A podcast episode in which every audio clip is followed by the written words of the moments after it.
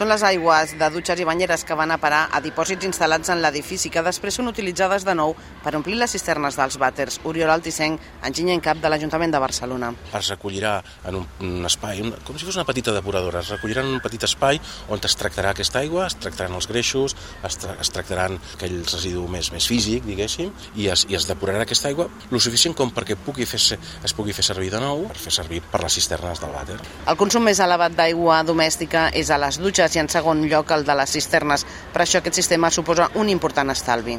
El potencial d'estalvi és de gairebé un 30% de l'aigua domèstica que es fa servir a Barcelona. Quin és el potencial que hi veiem ara a curt mig termini?